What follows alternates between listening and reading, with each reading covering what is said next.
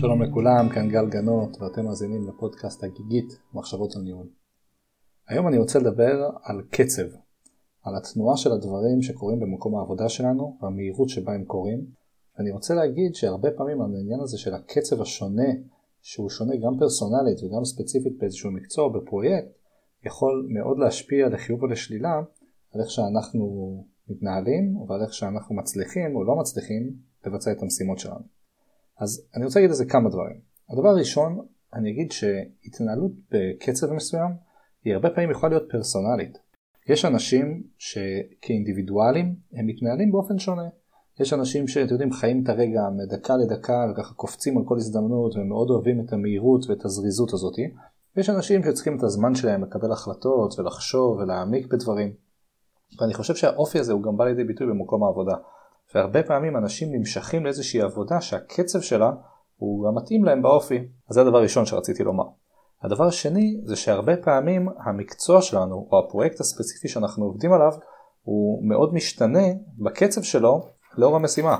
כלומר אם אני צריך עכשיו להיות אחראי על איזשהו משהו נקודתי והדבר הזה הוא משהו מאוד אה, קריטי, כלומר למשל אני עכשיו איזשהו אחראי על תפעול של איזשהו תוכנה שאם היא נופלת יש הפסדי כסף מאוד גדול או שאני אחראי על איזשהו פרויקט שהוא מציל חיים ואסור שזה ייפול, ברור שאני צריך להיות מאוד מאוד חד על מה קורה בכל שנייה.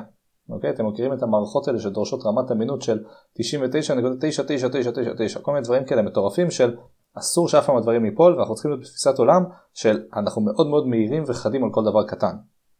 מן הצד השני אני יכול להיות אחראי על איזשהו פרויקט ארוך טווח שאומרים לי תתכנן את האסטרטגיה של הארגון שנתיים קדימה או חמש שנים קדימה ועכשיו זה משנה אם אני אתחיל לעבוד על זה עכשיו או שאני עכשיו אה, אלך לעשות איזה משהו אחר ואני אמשיך לעבוד על זה בעוד איזה שעתיים כנראה שזה הרבה פחות חשוב. כאילו בסוף אני מסתכל מאוד קדימה. עכשיו זה לא שמישהו אחד צריך להיות בקצב מהיר ומישהו אחד צריך להיות בקצב איטי. זה מאוד תלוי בפרויקט שאתה עובד עליו. כשאנשים זזים בדרך כלל מפרויקט אחד לפרויקט אחר יכולות להיווצר בעיות.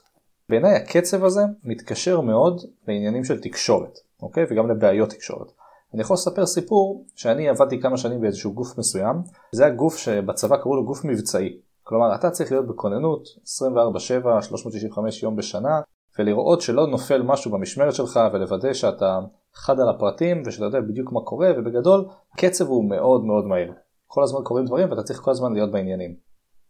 אחרי שהצאתי את התקופה הזאת עברתי לתפקיד אחר הוא שם הייתי צריך להיות אחראי על פרויקטים שהם לא היו ארוכי טווח בקטע של שנים אבל כן שבועות ארוכים וגם חודשים אמ, ואני זוכר שכשהגעתי בהתחלה נדרש לי קצת זמן להסתגל לשינוי הזה ואחד הדברים שעזרו לי להסתגל זה שעשיתי שיחה עם איזשהו מנהל בכיר בגוף החדש והוא ראה את ההתנהלות שלי והוא אמר לי תשמע אתה צריך להבין השעונים זזים בקצב אחר בין הארגון הקודם שבו היית לבין הגוף הנוכחי.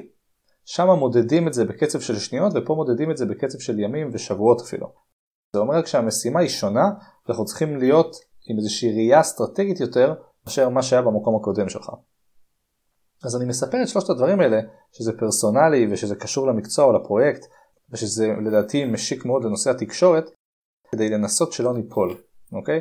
הרי תמיד אומרים שהיום אנחנו בעולם יותר גמיש, יותר זריז, העולם האג'ילי הזה שמשלב את שני הדברים האלה.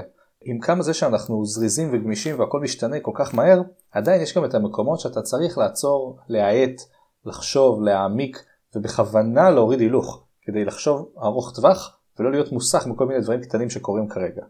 ולכן בעיקר מה שאני רוצה להגיד כאן, אנחנו צריכים להיות מודעים להבדל שבקצבים, בתפקידים השונים ולאנשים שונים.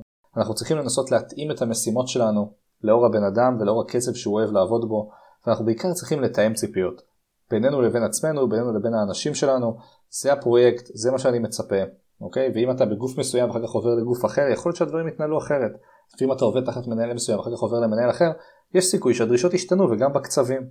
אמ, ואני חושב שהעניין הזה של המודעות ותיאום הציפיות הוא משהו שיכול מאוד לעזור כדי לוודא שכולנו על דף אחד ולמנוע כל מיני בעיות תקשורת שעלולות לצוץ בהקשר הזה של הקצב שבו אנחנו עובדים.